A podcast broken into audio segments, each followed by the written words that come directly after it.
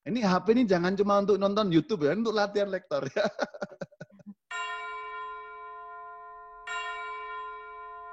saya kasih ini juga, saya kasih ini juga uh, satu metode. Saya dulu juga mengajarkan itu di Lorenzius rekam. Sekarang kan kita punya HP ini ya, HP ini manfaatnya banyak.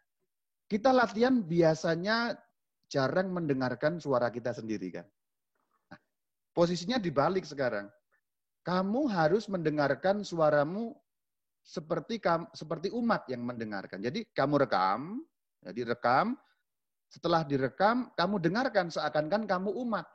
Lalu bertanya, kalau saya umat mendengar orang membaca begitu, saya paham apa enggak gitu? Nyaman apa enggak? Ngerti artinya apa enggak? Karena kalau kita tanpa mendengarkan suara kita sendiri, kita sulit untuk memberi penilaian. Kan kita harus dari posisi pendengar sebenarnya. Maka pada saat latihan rekam, terus disetel. Jadi pada saat disetel rekaman kita sendiri, kita sebenarnya mendengar dalam posisi sebagai umat yang mendengar. Posisinya dibalik gitu. Posisinya dibalik. Meskipun kita memang mendengar suara kita sendiri, tapi dengan mendengar suara kita sendiri, jadi kita bisa menilai. Oh, di sini tadi harusnya memenggalnya nggak di situ. Nah gitu. Coba buktikan kata-kata saya. Saya bukan kata-kata kosong karena saya melakukannya. Saya melakukannya sudah hampir 10 tahun karena sejak tahbisan 2011. Saya baca Alkitab, saya punya rekamannya semua. Homili saya, saya punya rekamannya semua. Sehingga saya bisa tahu, oh harusnya pada saat tadi itu suspennya di sini gitu. Nah gitu, kurang lebih seperti itu. Cobalah, ini HP ini jangan cuma untuk nonton YouTube ya, untuk latihan lektor ya. Ada itu demikianlah sabda Tuhan, tapi bukan di penutup dari bacaan itu. E, kayak gimana sebenarnya cara membaca yang baik untuk kata itu. Yang pertama memang tadi itu gunanya ilmu tiga hitungan tadi, sehingga umat terbiasa, itu membiasakan umat juga ya. Jadi yang demikianlah sabda Tuhan bagian terakhir memang harus berbeda dari teksnya. Di kalimat terakhir terus ngitung satu, dua, tiga, lalu kemudian pada saat ngomong demikianlah sabda Tuhan kan kita kan melihat kepada umat. Jadi membaca teks terakhir terus Demikianlah sabda Tuhan itu seperti mengumumkan sebenarnya. Jadi membiasakan bagian itu penting. Sehingga umat juga punya sense ini betul-betul terakhir. Ini betul-betul akhir bacaan. Itu dulu yang pertama. E, biasanya umat terjebak karena memang lektornya tidak membiasakan itu. Jadi demikianlah sabda Tuhan itu nyambung dari bacaannya sehingga memang sering terjadi lucu kalau bagian itu. Memang ada teks-teks tertentu yang ada demikianlah sabda Tuhan di bagian tengah. Biasanya teks-teks kenabian. Nah, ya, tekniknya menurut saya itu bisa menggunakan nada suspend, yaitu nada uh, nada belum titik, nada belum berhenti. Misalnya ketika ngomong, aku akan membebaskan umatku Israel, demikianlah sabda Tuhan. Nah gitu misalnya seperti itu. Jadi nadanya tidak dijatuhkan turun, tidak dibuat titik. Ya, nada jatuh itu berarti kan nada titik ya. Aku akan membebaskan umatku Israel. Nah itu L, itu nada titik. Demikianlah sabda Tuhan. Nah, itu nada titik, nada jatuh. Maka di bagian itu dibuat nada nada mengambang, nada suspend sebenarnya. Demikianlah sabda Tuhan, misalnya begitu. Demikianlah sabda Tuhan itu ngambang, sehingga belum titik. Tapi kemudian disambung langsung kalimat berikutnya disambungkan, jangan diberi titik. Jadi misalnya kalimat lanjutannya, demikianlah sabda Tuhan, kalimat lanjutannya adalah setelah itu kamu harus, misalnya begitu ya. Demikianlah sabda Tuhan. Setelah itu kamu harus, nah begitu. Jadi tidak diberi tidak diberi titik di bagian itu sehingga itu teknik-teknik tertentu untuk menghindari umat menjawab syukur kepada Allah. Karena memang pernah terjadi lektornya salah membaca, salah memberi nada, bagian itu seakan-akan nada jatuh, umat langsung serentak menjawab demikianlah sabda Tuhan. Padahal itu di tengah bacaan. Mau tertawa kok misa, Pernah terjadi saya seperti itu. Di bagian tengah, bacaannya masih berlangsung, umat serentak. Kan kenceng banget kalau umat banyak menjawab. Demikianlah sabda Tuhan barengan coba. Kalau orang barengan, berarti yang salah siapa? Yang membaca. Karena memberi kesan titik. Nah itu. Maka jangan diberi nada jatuh, itu yang pertama. Diberi nada ngambang, suspend. Terus teknik yang berikutnya, kalimat selanjutnya disambungkan. Jangan diberi jeda di bagian itu. Itu ini teknik praktis ya. Nah itu semoga bisa dipraktekkan nanti mengenai itu. Kemudian yang mengenai ilmu tiga nada. Yaitu memang harus berlatih. Kalau menurut saya memang itu penting sekali untuk membaca eh, apa namanya yang bentuknya narasi dialogis. Karena itu ada dua tokoh bicara, ada misalnya Musa dan Tuhan bicara, kan pasti lain. Otoritas Tuhan kan pasti lain. Berfirmanlah Tuhan. Coba sekarang merem atau ah, nggak usah merem sih, disimak saja. Berfirmanlah Tuhan kepada Musa, Aku akan memberikan umatku. Ini suaranya Tuhan atau bukan kalau seperti itu? Kesannya. Tidak. Tidak, tidak berkesan Tuhan kalau seperti itu. Jadi nada itu sangat berpengaruh. Nada otoritas itu pasti tinggi, eh, pasti rendah, bukan tinggi. Nada yang yang berotoritas itu pasti tinggi. Maka nadanya Yesus itu dibuat rendah. Siapa yang saudara cari? Nah, kalau kamu mendengarkan seperti itu, berkesan itu Yesus atau bukan? Berkesan kan? Coba kalau sekarang begini. Maka Yesus bertanya kepada mereka, siapakah yang saudara cari? Yesus atau bukan itu? Dalam pikiranmu Yesus atau bukan yang bicara? Bukan. Bukan Yesus. Nah itu. Jadi pentingnya Bukan. ilmu tiga nada begitu. Memang tentu ini harus dibedakan dengan dengan membawakan teater ya. Jangan jangan sampai teatrikal juga ya. Berfirmanlah Tuhan ya nggak usah sampai seperti itu ya. Tetap normal, tetap wajar, tetapi pembedaan nadanya tegas dan jelas.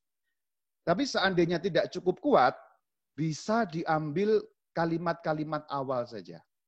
Sehingga umat terkesan bahwa ini adalah nada Tuhan yang berbicara. Misalnya, berfirmanlah Tuhan kepada Musa, Aku akan memberitahukan kepada kamu. Setelah itu nada normal biasa. Tapi umat sudah tahu dari kesan pertama, oh ini sekarang Tuhan yang bicara, nadanya rendah. Karena misalnya untuk cewek-cewek ya, mempertahankan nada rendah mungkin kan nggak terlalu gampang. Karena suaranya kan sopran gitu ya. Berfirmanlah Tuhan kepada Musa. Aku ya tetap seperti itu kalau cewek ya. Tapi bisa dilatih, itu bisa. Tidak usah terlalu rendah sekali, tapi paling kurang itu berbeda. Aku, aku, aku. Lain ya. Aku. Aku akan memberikan. Aku akan memberikan. Aku akan memberikan. Coba diperhatikan membawa pemaknaan yang berbeda kan, nada yang berbeda itu. Nah itu. Maka di dalam nanti bagaimana cara praktisnya memang harus berlatih, frater, itu berlatih. Sekarang kamu baca nada rendah, nada rendah. Teknik praktisnya begitu, satu teks dibaca tiga kali paling kurang. Sekarang dibaca nada normal. Allah tidak menciptakan maut dan ia pun tidak bergembira. Kemudian tinggi. Allah tidak menciptakan maut dan ia pun tidak bergembira. Rendah, Allah tidak menciptakan maut. Latihan praktisnya seperti itu. Kemudian baca lagi yang keempat, pindah tiba-tiba normal, tiba-tiba tinggi, tiba-tiba rendah, sesuka hatinya. Itu untuk melatih fleksibilitas ini, apa namanya? Uh, karena kan kita ngomong ini kan dengan lidah, dengan rongga, dengan rongga mulut, dengan bibir juga makin kita ini lentur makin terbiasa. Maka latihan yang efektif kalau untuk lafal ya kan misalnya ngemut ngemut ini atau ini soal lain ini bukan nada, ini e, soal lafal ya. Misalnya gigi dipertemukan, tidak boleh membuka gigi, kemudian kita harus bisa berbicara dengan lafal yang jelas. Ini contoh untuk latihan lafal. Ini giginya ketemu. Jadi giginya ketemu, kemudian membaca tanpa boleh membuka gigi. Nah, ini contoh uh, latihan lafal. Kalau kamu susah, susah kan? Tapi lumayan. Ketika saya berbicara seperti ini masih lumayan. Masih kamu dapat mendengar saya berbicara apa. Lumayan. Nggak semua orang bisa begitu. Itu hanya dengan latihan. Itu contoh latihan lafal. Nah kalau kamu jadi lektor banyak-banyak mingkem, eh, itu teknik juga ya, ini teknik latihan ya. Kamu gigi itu ketemu, lidah kan nggak bisa gerak, eh, hanya hanya bibir yang bisa bergerak. Lalu ngomong. Jadi nanti kalau ketemu temennya misalnya, sekarang peraturan latihan lafal, ngomongnya nggak boleh buka mulut. Halo teman-teman, apa kabar? Loh, sepanjang latihan ngomongnya seperti itu terus. Pulang-pulang jontor bibirnya pegel. Nah ini ya ya latihan frater ya eh, membaca teknik ya dengan tiga tadi itu dengan rendah tinggi itu. Nanti akan kelihatan hasilnya ketika membaca naskah-naskah kompleks ya dengan dialogis tadi itu. Contohnya malam paskah. Malam paskah itu kompleks sekali ceritanya. Ada yang ada yang pas harus disuspend, ada nada rendah, nada tinggi, nada yang cepat, apa namanya eh, temponya cepat, ada yang lambat, ada yang kemudian uh, berhenti. Nah, seperti itu. Pater, itu kan kalau kalau Mazmur itu kan kalau misa harian itu kan dibacakan. Nah, ya. itu di ya dan itu dibacakan sebagai apa? sebagai doa. Ya, betul karena itu kan tanggapan itu kan berarti kata-kata kita yang ditujukan kepada Allah untuk menanggapi bacaan yang barusan berlangsung. Memang itu ya memang doa. Memang kitab Mazmur itu kitab doa itu betul. Hanya kalau di, di, dibawakan pada saat misa dengan dibacakan itu bentuknya adalah puitik. Jadi harus dibacakan dengan puitik. Tidak boleh naratif. Nggak cocok. Nggak cocok. Contohnya misalnya saya langsung membuka aja ngawur aja lah. Tuhanlah gembalaku, aku takkan berkekurangan. Misalnya begitu ya. Ini contohnya. Ini, membaca naratif itu seperti ini. Tuhanlah gembalaku, aku takkan berkekurangan. Ia membaringkan daku di padang rumput yang hijau. Ia membimbing aku ke air yang tenang dan menyegarkan daku. Itu membaca naratif. Itu hilang artinya nanti. Harus puitik membacanya. Membaca puitik kira-kira seperti ini. Tuhanlah gembalaku. Aku takkan berkekurangan. Ia membaringkan daku di padang yang berumput hijau. Ia membimbing aku ke air yang tenang dan menyegarkan daku. Contohnya begitu. Naratif itu lebih lancar. Itu misalnya polanya seperti itu. Naratif atau narasi itu lebih lancar. Ah, Tuhanlah gembalaku, aku takkan berkekurangan itu naratif. Kalau puitik itu cirinya itu agak agak berpenggal-penggal biasanya. Kalau kita memenggal-menggal satu kalimat, itu lalu agak berciri puitik lalu.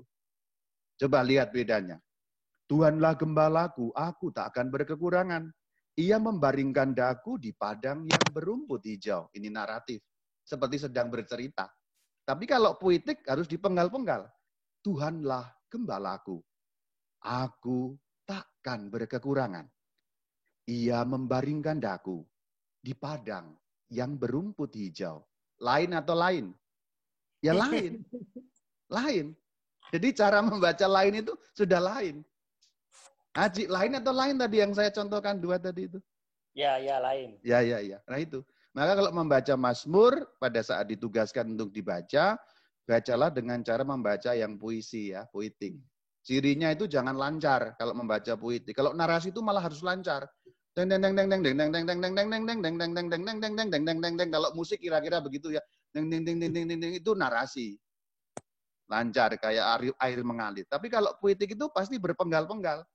Tung tung tung bem bem bem. Tung tung tung tung tung tung tung tung tung. Nah gitu.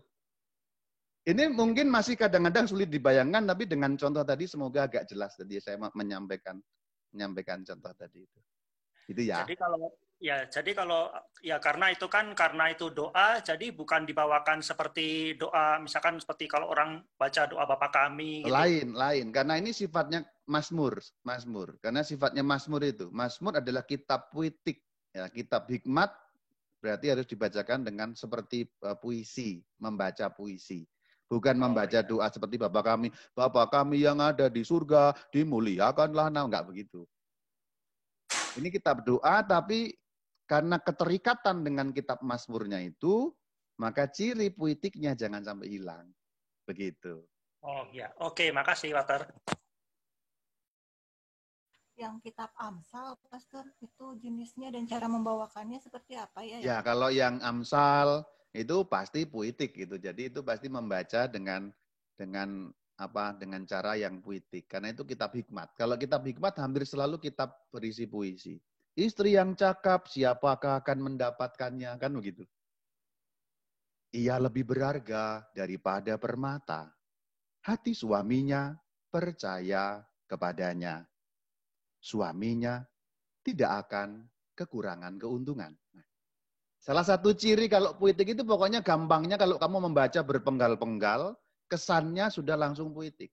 Kalau kamu membaca lancar itu tidak puitik, itu naratif namanya. Istri yang cakap siapakah akan mendapatkannya? Ia lebih berharga daripada permata, hati suaminya percaya kepadanya. Lain atau lain dengan yang pertama tadi? Lain ya. gitu. Ini ciri yang gampang itu saja. Ciri yang gampang nanti sambil dirasa-rasakan, tapi ciri pertama atau latihan pertama membaca membacalah dengan berpenggal-penggal dan sedikit memainkan nadanya. Istri yang cakap, siapakah akan mendapatkannya? Ia lebih berharga daripada permata. Hati suaminya percaya kepadanya. Istri yang cakap berbuat baik kepada suaminya. Kira-kira begitu ya. Ini sudah agak lain ya dengan dengan contohnya, ia mencari bulu domba dan rami dan senang bekerja dengan tangannya. Nah, lain. Ia mencari bulu domba dan rami. Senang bekerja dengan tangannya. Coba rasakan, sama enggak? Beda ya? Nah, beda itu.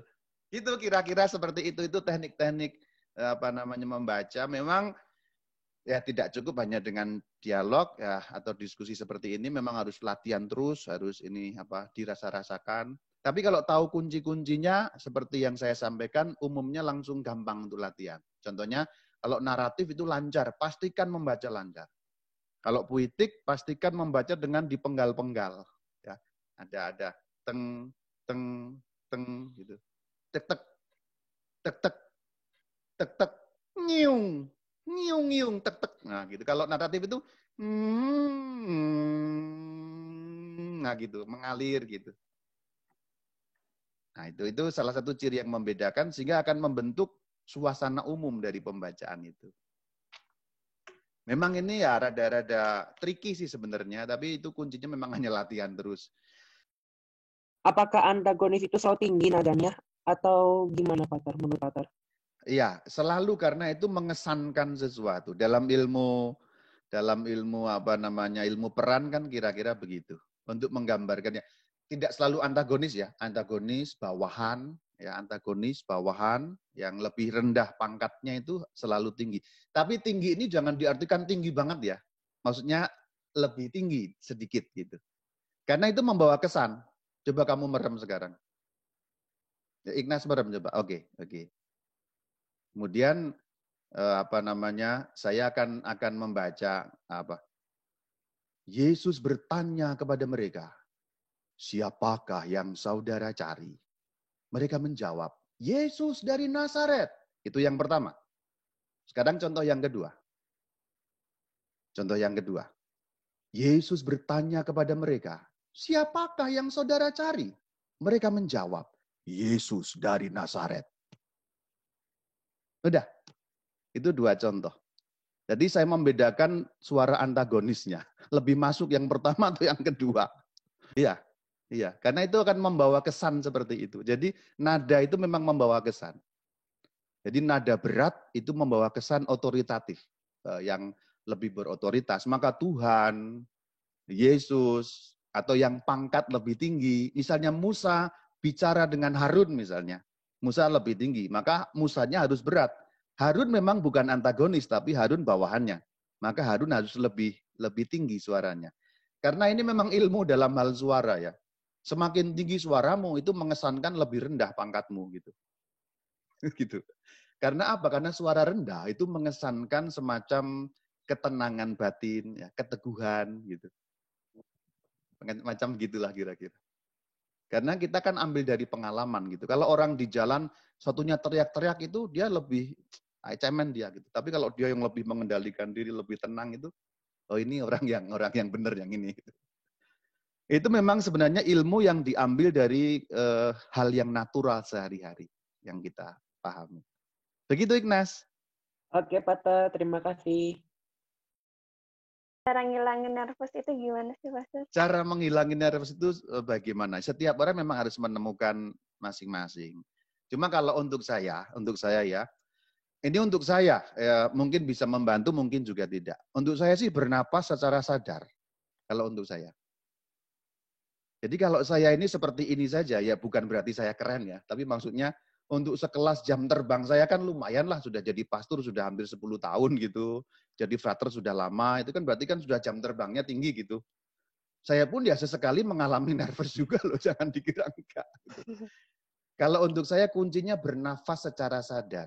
Karena biasanya ketika kita nervous, kita ini tidak bernafas. Lupa bernafas, lupa mengambil oksigen, sehingga badan kita kekurangan oksigen sebenarnya ketika nervous. Jadi itu yang terjadi.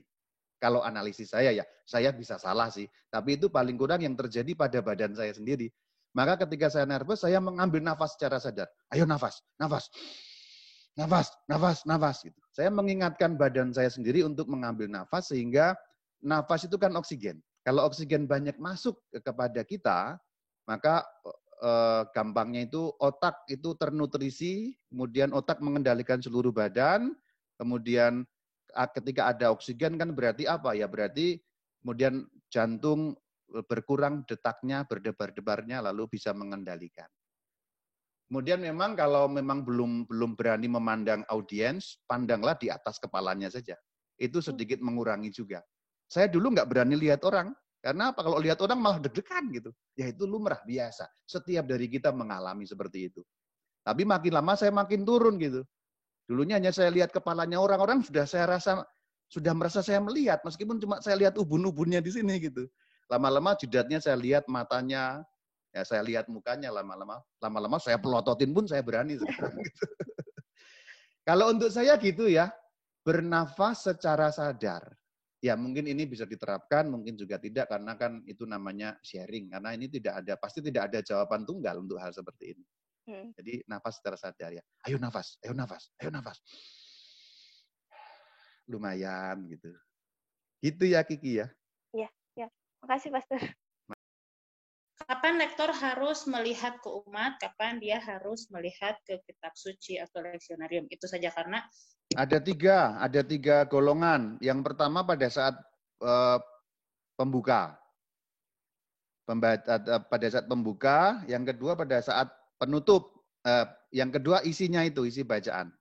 Jadi awal, isi bacaan, kemudian akhir. Kalau awal itu kan pas ngomong bacaan dari surat itu ya. Itu sebaiknya tidak membaca. Ya, boleh membaca tetapi itu sebenarnya melihat kepada umat. Bacaan dari surat Rasul Paulus kepada jemaat di Roma. Kan sedang menjelaskan, hei, hei, hei, ini lagi bacaan yang dari sini kan, tong, tong, tong, tong, tong, pengumuman, pengumuman. Kira-kira begitu. Jadi ini sebaiknya memang melihat.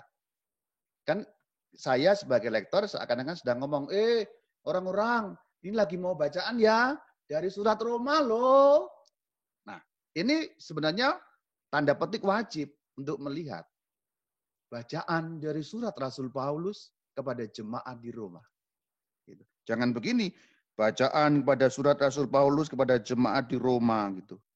Kan lagi mengumumkan. Coba bayangkan mengumumkan lebih bagus yang mana? Weh, saudara-saudara, hei, halo, halo, atau hei, halo, halo, gimana? Gitu. Ya kan pasti melihat orangnya. Itu nomor satu pada saat membaca pas bagian awal itu. Yang kedua terakhir, demikianlah sabda Tuhan. Ini juga pengumuman sebenarnya. Jadi pas terakhir, bukan karena ia melakukan hukum Taurat.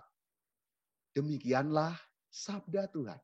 Jadi bukan demikianlah sabda Tuhan, enggak begitu. Karena demikianlah itu kan sedang mengatakan kepada umat, halo, selesai loh ini, gitu. Selesai ya, gitu. Selesai ya, gitu. Selesai ya, gitu. Jadi itu dua kali ya, pertama pas awal, dua terakhir. Yang pada saat isi bacaan bergantung pada bacaannya. Jadi menegaskan isi bacaan. Jadi menegaskan isi bacaan. Contoh, saya langsung memberi contoh misalnya eh, ini Misalnya ini nih, pada hari Pentakosta bangkitlah ya, seluruh kaum Israel harus tahu dengan pasti bahwa Yesus telah membuat eh, bahwa Allah telah membuat Yesus yang kamu salibkan. Nah, ketika ada kamu ini kan berarti kan kamu menyapa. Kamu. Ya. Itu contohnya. Atau pada saat surat misalnya, eh, membaca surat ini ya. Saudara-saudara, kamu tidak hidup dalam daging. Berarti kan Rasul Paulus sedang berbicara kepada umat. Saudara-saudara, ini memandang berarti. Coba contoh pertama. Saudara-saudara. Contoh kedua. Saudara-saudara. Beda kan? Karena kan mengatakan saudara-saudara kan menyapa berarti. Maka jangan lihat kepada buku. Kalau lihat kepada buku berarti buku-buku, bukan saudara-saudara dong. Kamu tidak hidup. Kamu, kamu, iya kamu gitu. Kamu tidak hidup. Nah, baru lihat lagi. Lalu ada kalimat, kalau roh Allah memang tinggal dalam dirimu. Nah, mu, mu, berarti lihatnya bagian itu. Jadi pada saat di bagian isi menegaskan isi bacaan. Coba ini saya beri contoh di sini ya. Ini uh, saudara-saudara. Kamu tidak hidup dalam daging melainkan dalam roh. Kalau roh Allah memang tinggal dalam dirimu. Enak kan? Enak itu ya. Tetapi jika orang tidak memiliki roh Kristus, nah kan gitu. Jadi saudara-saudara, saudara-saudara, gitu ya. ya, ya. Kita ini kita, iya kita, gitu. Orang berhutang. Sebab jika kamu, iya kamu, nah gitu. Nah itu, nah ini memang perlu latihan. Kalau yang paling bagus adalah teks yang diberikan di kertas itu dicoret, dicoret-coret.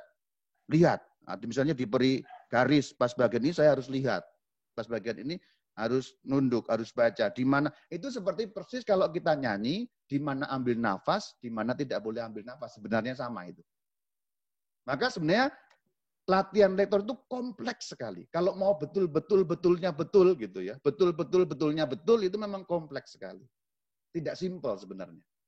Karena itu tekniknya eh, satu itu harus teknik public speaking, itu teknik juga kayak dramaturgi juga ada di sana, macam-macam termasuk juga kita seperti sedang teknik mendongeng gitu.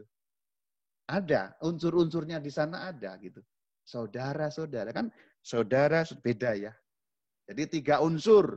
Pertama, pada saat bacaan dari itu, yang kedua demikianlah sabda Tuhan melihat, yang ketiga isinya ditegaskan. Ditegaskan, menegaskan isi dari bacaan.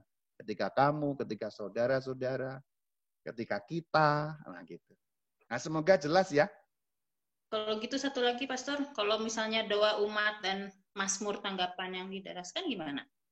Kalau Mazmur tanggapan itu kan sebenarnya kan itu bentuknya doa, maka sebenarnya ya malah tidak tidak melihat secara langsung sih kalau itu. Berarti sama ya, ya dengan kalau kita baca doa umat ya? Iya sama. Doa umat kan itu sebenarnya kan berdoa. Kalaupun nggak melihat umat malah nggak apa-apa. Tapi pada saat yang marilah kita mohon harus lihat karena itu kan marilah, marilah, hei mari, ya mari gitu. Kan mengajak. Jadi bagian itu malah marilah kita mohon gitu. Misalnya kalau untuk pengumuman dan doa umat itu ada tips-tips khusus enggak? Nah, tadi doa umat sudah saya jelaskan ya apa seperti kita berdoa aja. Hanya pas marilah kita mohon ya kita melihat kepada umat karena kita kan mengajak doa. Marilah kita mohon gitu. Kalau pengumuman ya fleksibel itu kan seperti kita sedang berbicara. Kalau pengumuman ya. Atau malah cenderung ya kita memandang karena itu kita sedang kalau pengumuman itu kan kita sedang seperti berbicara kepada umat, menyampaikan sesuatu agak fleksibel sih sebenarnya pengumuman. Kalau menurut saya pengumuman itu nggak usah kaku kalau kata saya ya. Dibaca wajar gitu malahan. Kadang-kadang pengumuman itu malah kaku. Telah dibuka, enggak, menurut saya nggak usah gitu, gitu santai gitu. Kalau pengumuman itu telah dibuka pendaftaran ya seperti itu malah bagus, enak sebenarnya. Agak agak agak agak agak agak apa ya fleksibel kalau pengumuman sih. Menurut saya ya. Tapi gimana itu jadi tanya apa enggak? Oh iya iya, iya jadi jadi yang nanya ini harus nih. ini harus bayar dua puluh ribu. nah, tar digandakan seribu kali. Amin. ini ya, ini ya ini Pak Tar mau nanya, uh, tapi ini bukan bukan tentang teknis sih, ini tentang isi. Itu di sebelum kita Wahyu itu kan ada surat Yudas. Nah itu mau nanya apakah Yudas yang dimaksud itu Yudas Iskariot. Itu. Nah, kalau memang betul Yudas Iskariot, uh, mau nanya, uh, kan dia kan sudah kehilangan status sebagai rasul, tapi kenapa kok suratnya dimasukkan ke dalam golongan kitab suci gitu? Kata itu kamu, aja, kata kamu Yudas yang mana? Loh ya itu yang mau nanya, apa Yudas Iskariot atau Yudas yang lain gitu. Nggak usah pakai ilmu lah. Sekarang pakai logika. Yudas kan sudah mati bunuh diri. Gimana dia bisa nulis surat coba? Oh, berarti Yudas yang lain. Ya itu ada yang namanya Yudas Tadius. Iya, Yudas, Mas. Iya, kan itu nggak usah pakai ilmu Alkitab dulu deh, pakai ilmu logika. Kan Yudas mati bunuh diri. Apa dia nulis di kuburan? Coba kan enggak. Yudas itu. Banyak Simon juga, Iya. saya lihat juga muridnya itu banyak namanya sama. Itu beda pakai bapak. nalar itulah. Pertama itu dulu. Tapi sebenarnya itu Yudas yang namanya Yudas Tadius. Yudas yang kedua. Memang ada dua nama. Yud-